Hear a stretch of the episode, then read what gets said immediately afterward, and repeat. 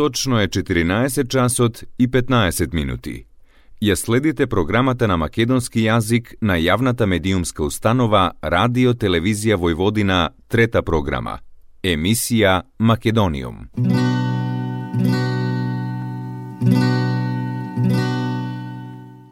Добар ден и добре дојдовте во најновото издание на емисијата Македониум. Македониум почитувани слушатели е емисија која што веќе 15 години ја следите на фреквенцијата на третата програма на радиото при Радио Телевизија Војводина Радио Нови Сад со вашиот уредник и водител Јулијана Милутиновиќ. На моје огромно задоволство денес, конечно во Македониум, за мене лично, првата дама на новинарството во Србија од Македонија Елисавета Стојановска Ивановиќ. Верувам дека нашите слушатели се добро запознаени со ликот и делото на Бети, но еве за подсетување. Елисавета Стојановска Ивановиќ, иницијатор на сите информативни дејности на македонски јазик во Србија. Беше прва директорка и уредник во новинско-издавачката установа Македонски информативен и издавачки центар. Еден е од основачите на првото здружение на македонците во Белград Кочорацин, како и на здружението Македониум, чиј председател беше до 2019 година. 8 години беше членка на Националниот совет и председателка на Одборот за информирање. Еден е од основачите на Македонското здружение на новинари МакИнфо, добитничка на највисокото признание на Националниот совет на Македонската национална заедница Македонско сонце во 2016 година. Бети е мајка, баба и еден од најинтересните и најпозитивни соговорници кои човек може да ги посака. 15 години е Македониум во етерот, а за овие години јас сум најмногу благодарна токму на мојата соговорничка во денешното издание на оваа емисија.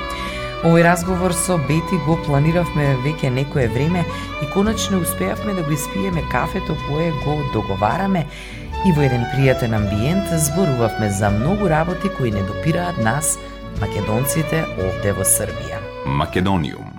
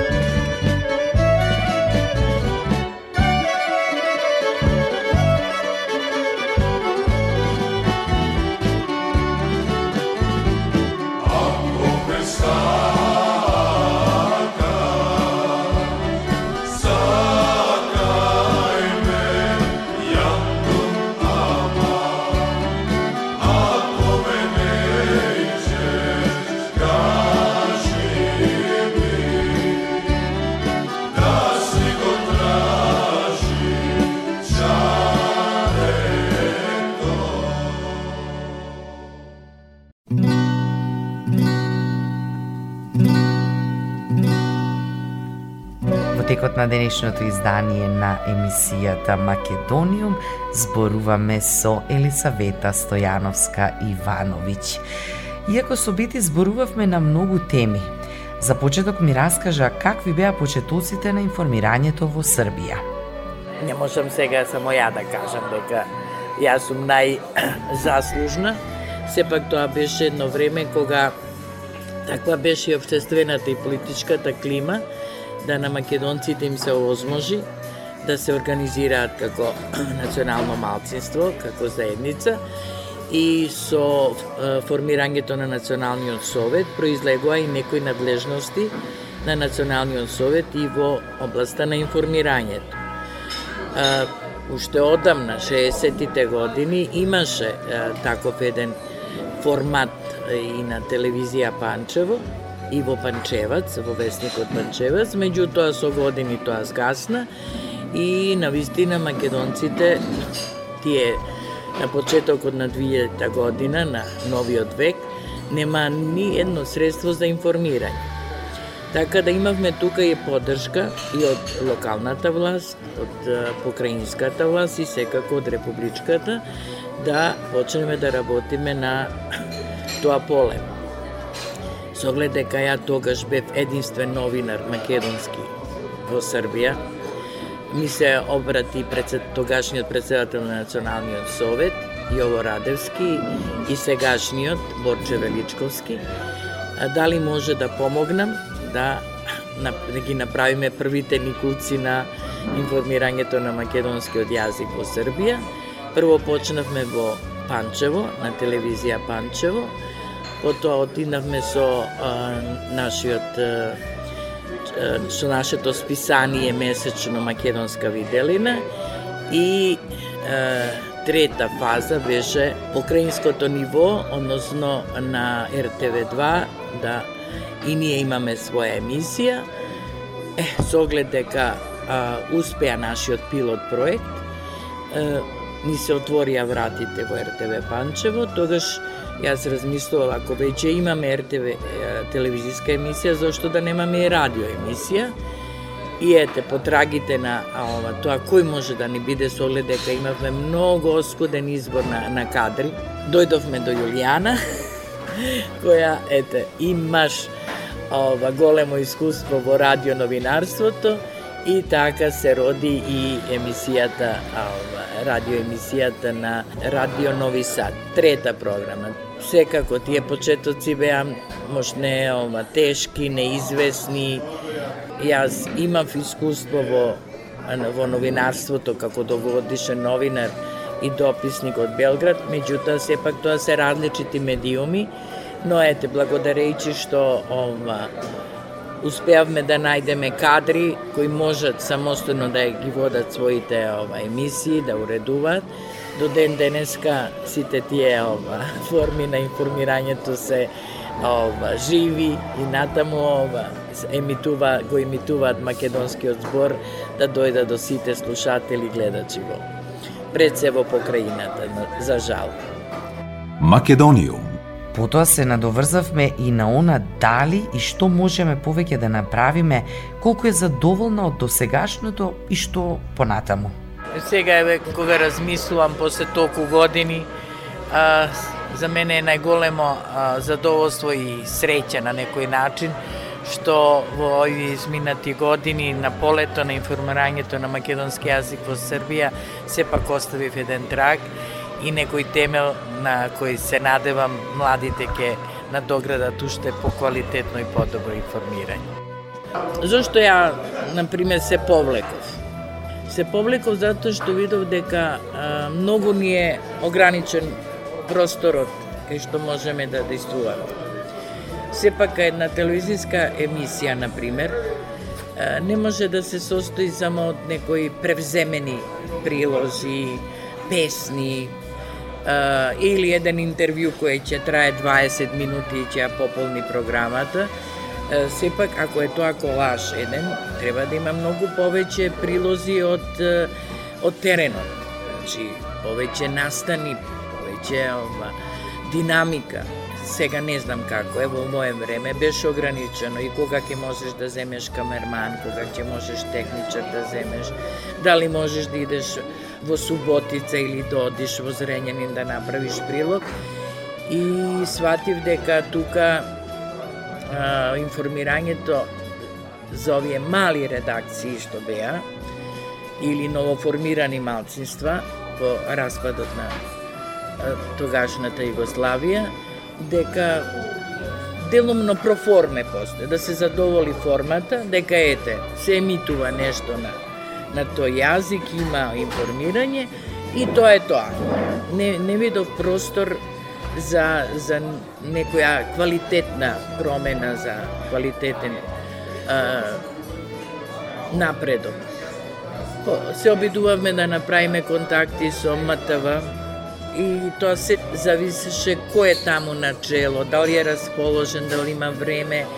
Ке добиевме, например, одредени документарни емисии, забавни и така. Ке се променеше гарнитурата, другата гарнитура која ке дојдеш имаше други таму внатрешни проблеми и ке не заборавеа.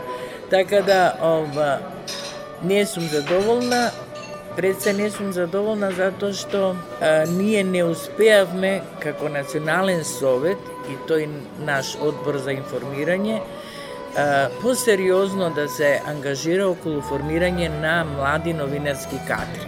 Мислам дека тоа е најголем минус, затоа што не може, например, не као што Бети не можеше вечно да виде, не може ни Златко, не може ни Јулијана, Еве сега, например, Зорица успешно го води овој портал Маки Инфо, меѓутоа ни треба, ни треба млади луѓе кои ќе го познаваат занатот новинарство и кои ќе ова го знаат јазикот. Македониум Со Елисавета зборувавме и за тоа колку е битна соработката со нашата матица. Пред се многу битна, таа соработка со матицата, со државата. Нормално, таа соработка и се зависи колку се добри тие меѓудржавни односи. Кога се тие топ, затоплени, добри, ова, квалитетно напредуваат, онда е многу полесно и да се воспостават такви контакти. Сигурно следевте ова, пред година, дена или две, не се сеќавам точно, значи една меѓудржавна мешовита комисија македонско-српска која беше формирана пред 20 години, а уште бев активен новинар и дописник, дури сега се формира. Колку се сеќавам, нивната агенда беше многу интересна и многу голем предизвик беше и за нас македонците и за србите во Македонија. Меѓутоа, колку јас следам, сега не можам да кажам дека следам како некогаш внимателно, не гледам некој исчекор во тој поглед. Значи, тука беше и соработка меѓу факултети, меѓу медиуми. Значи, ние праќаме стипендисти во Македонија, бесплатно да завршат одредени факултети, зависно од определба на, на секој поединач. Нема, нема некоја смислена стратегија да се седне и да се види Значи, ние имаме четири е, дејности во кои имаме голема самоуправа. Тоа е култура, образование, информирање и службена употреба на јазикот. Да видиме каде сме најтанки, каде ни требаат кадри. И тогаш дај да праќаме стипендисти за тие одредени ова, струки, професии со обврска да се вратат кога ќе завршат и да се одолжат. Така секогаш било и јас сум била стипендист, па сум морала да работам одредено време за да ја вратам стипендијата на некој начин, да ја исплатам. Значи, мислам дека ни фали тука една стратегија, на банка на податоци да видиме со каква е, ние резерва располагаме, со какви кадри располагаме, кај сме е, најслаби, што ни треба и така да почнеме систематично од година во година да ова, градиме своји кадри. Македониум.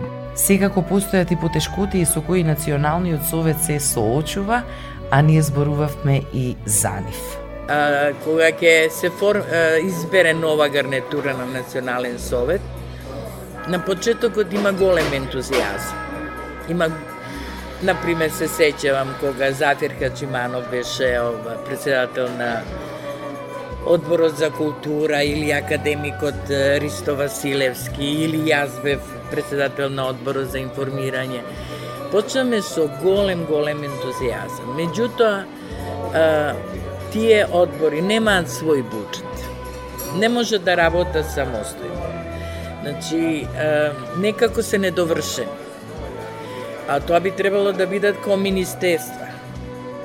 И секое министерство има одреден буџет, одредена програма и ова финансиска и врз основа на тоа правиш планови, цели и ги реализираш. Меѓутоа, ова е се а, вие на хартија ќе напишете што мислите, како мислите, на Националниот совет тоа проформа се одобрува и сега се од добра воја од разни коинциденции на настани и на луѓе, дали тоа нешто ќе се реализира или нема да се реализира. И тука е таа недовршеност, најквалитетни луѓе кои биле на одредени одбори, не можеле да превземат конкретни а, некои активности. Се се своди на Националниот совет, ако е некоја годишница, онда се прават проекти, се добива, например, за 70 години од оселувањето на македонците, ете, успеавме да го направиме тој документарен филм, не знам, имавме некоја исто интересна изложба и манифестација, Е, благодарејќи на Зорица Митровиќ, она е навистина голем борец и ентузијаста, успеавме и а, да бидеме и дигитално присутни во информирањето, што е многу добро и се повеќе се афирмира. Меѓутоа нема, нема, нема, нема стратегија и јас се надевам дека еве доаѓа, ќе дојдат нови избори, дека сепак некој кој таму со години седат, значи од формирањето на Советот. Секоја чест, јас сум за континуитет и на некое искуство. Меѓутоа, ако вие седите толку години, вие ја губите енергијата, ги губите идеите, не можете да се носите со новото време. И треба на вистина да се освежи со нови а, млади луѓе кои имаат желба, енергија, кои имаат она волја да нешто направат и кои кореспондираат со ова ново време. Македониум. Полна со енергија, креативна, посветена, голема поддршка на помладите и со големо почитување за постарите. Бети е исклучително весела и многу ја сака музиката, па така зборувавме и за песните кои ги сака, зошто токму тие, и денес слушаме само дел од она што го споменавме од аспект на музика во нашата емисија. Е, овака, кога бев млада тинеджерка, на Радио Скопје кога ги идеше блок на народна музика, Сариевски, Васка Гиева, и јас добивам оспици. И едва и чекав да падне ова ноќ во 10 часот или да слушам на Радио Белград имаше некоја емисија или Радио Луксембург да видам во тренд со она што се слуша во светот. Меѓутоа со години Што станува, особено кога сте оддалечени од татковината? Таа музика го буди она исконското во вас. Што вие, значи, што год правеле, не знам да знаете, ја, јас бев една година во Америка, таму матурирав, па студирав во Белград, па еве се омаши во Белград, значи, од 17 година јас сум одвоена од Македонија. Меѓутоа, кога ќе чујам звук на кавал на, на гајда, на сурла, мене, мене нешто од стомакот ми излегува. Некоја желба да добијам крила како Константин Миладинов и да полетам во Македонија, да ова во својата земја.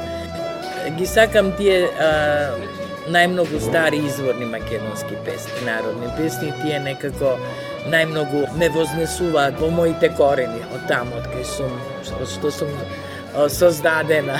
Повеќе ги сакам, на пример, оние класичните песни на кои сум ја сепак и своето некое растење, тинеџерство го формирала Драган Мијалковски, чија син Зафир Хаджиманов тогаш исто со Лјупка Димитровска имаше многу бави песни. Галебе мој не се сеќам исто ова, ја обожавам, а од овие сега помодерни Јас сакам, добро, Тоше Проевски е неприкосновен, нормално. Потоа Елена Ристевска, Каролина.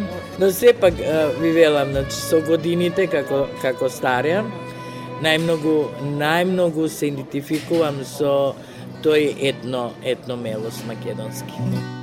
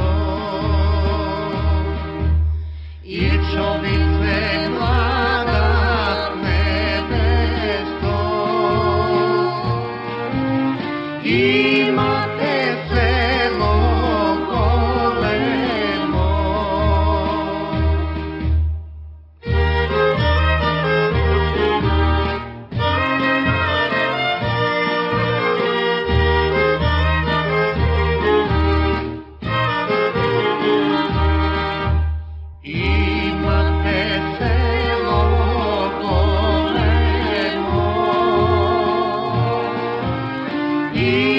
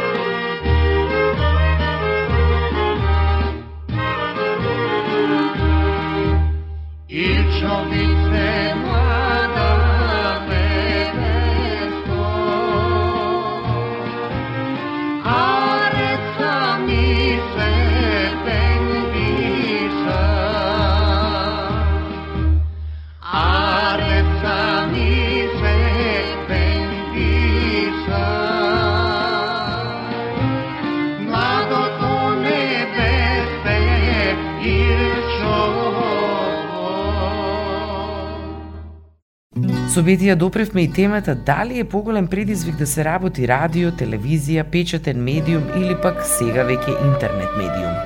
За мене најголем предизвик е сепак овие електронски медиуми. Многу поголем од, од класичните. Мислев дека сум доживеала едно совршенство во времењето, кога можев за 30 секунди, за 40 секунди да направам една информација со сите своји а, одговори на оние основни новинарски прашања. Се сеќавам на своите почетоци, па моите извештаи беа по три минути, па скрати, па како да скратам, што да и сврлам. Се, се ми било важно, не можев да проценам ова, што е важно, што е помалку важно да ја најдам сршта, меѓутоа со време, со искуство, онда на вистина доаѓаш до она да одговориш на оние пет прашања и ако е потребно и онда како и зошто, мислам, на крајот. Така да и он, например и во телевизискиот медиум многу е битно да она што е слика не се кажува во текстот. А за радио новинарство јас сум сепак радио новинар, толку години работев како радио новинар и почна во Радио Скопје и тука На почеток бев само дописник на Радио Скопје, па на Добро на Македонско радио, па а, кога Душица или отидна во пензија, бев и дописник на телевизија. Радиото најмногу си го сакам, иако е радиото што се однесува до, до информирање бунар без дно. Македониум. Сега Елисавета како дел од порталот Макинфо подели со мене што и недостасува во работата на интернет медиум. Мене ми недостасува тој жив контакт. Например, ние се така преку група се договараме, ги гледаме текстовите, праќаме. Ја сум од онаа постара генерација која ова, сака да има колегиум, да се седнеме сите, да продискутираме. Значи, јас единствено инсистирам, ако не еднаш неделно, еднаш месечно да се состанеме, да се видиме. Ако ништо друго, да се видиме, да размениме некоја енергија, да, ова, да продискутираме на крајот на краиштата и како живееш и што живееш и од Од тоа произлегуваат исто и некои нови идеи и инспирации за пишување за за креативност. Македониум. Секако зборувавме и за успесите на македонците во Србија и Бети се осврна особено на македонците во Војводина. На, на пример, најмногу ме радува оно што се случува во Вршец. Последниве години, значи, ми се чини дека во Вршец е најдена вистинска гарнитура на луѓе кои имаат идеја, кои имаат желба, кои имаат а, сила, енергија, моќ да нешто спроведат. И они го спроведуваат многу успешно. Од а, учењето на македонски јазик, учителката е значи многу квалитетна, многу посветена. Имавме сега скоро и некоја представа направиле на македонски јазик, така да по се изгледа се зависи од некои поединци се најдат во одредено време на одредено место и кои едноставно ето, имаат идеја, имаат желба да ја спроведат.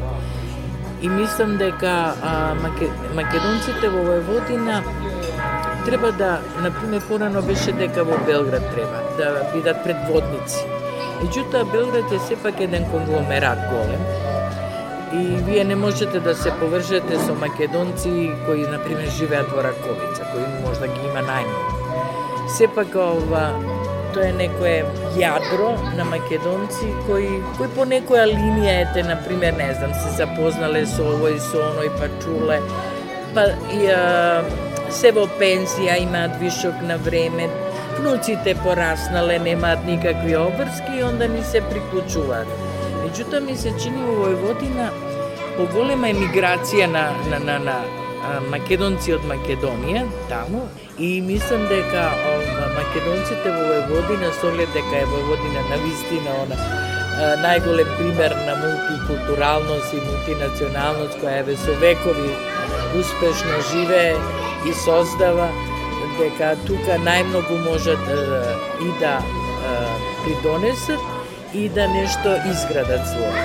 И би сакала на вистина ова да ги поздравам сите македонци, ги знам од свое време. Многу прекрасни луѓе, некои се обидува, па се разочара, се повлекоа, меѓутоа ја мислам дека има сега уште млади, а медиумите се секако една од битните средства да се дојде до, до, до, до македонците, да се афирмираат. Не само афирмативни текстови, мора да се пишува и некои критички да се посочи на некоја лоша појава, лошо однесување, да биде да биде пример, затоа што мислам дека нашето сега новинарство македонско во Србија е премногу афирмативно. Уште еднаш, да кажам, моето особено задоволство и голема чест беше денеска што конечно во Македониум ми гостуваше првата дама на новинарството во Србија од Македонија Елисавета Стојановска Ивановиќ. Ми беше задоволство. Јас сум Јулијана Милутиновиќ и повторно сум со вас следната среда во исто време. Ја следевте програмата на македонски јазик, емисија Македониум. Главен и одговорен уредник Воин Поповиќ.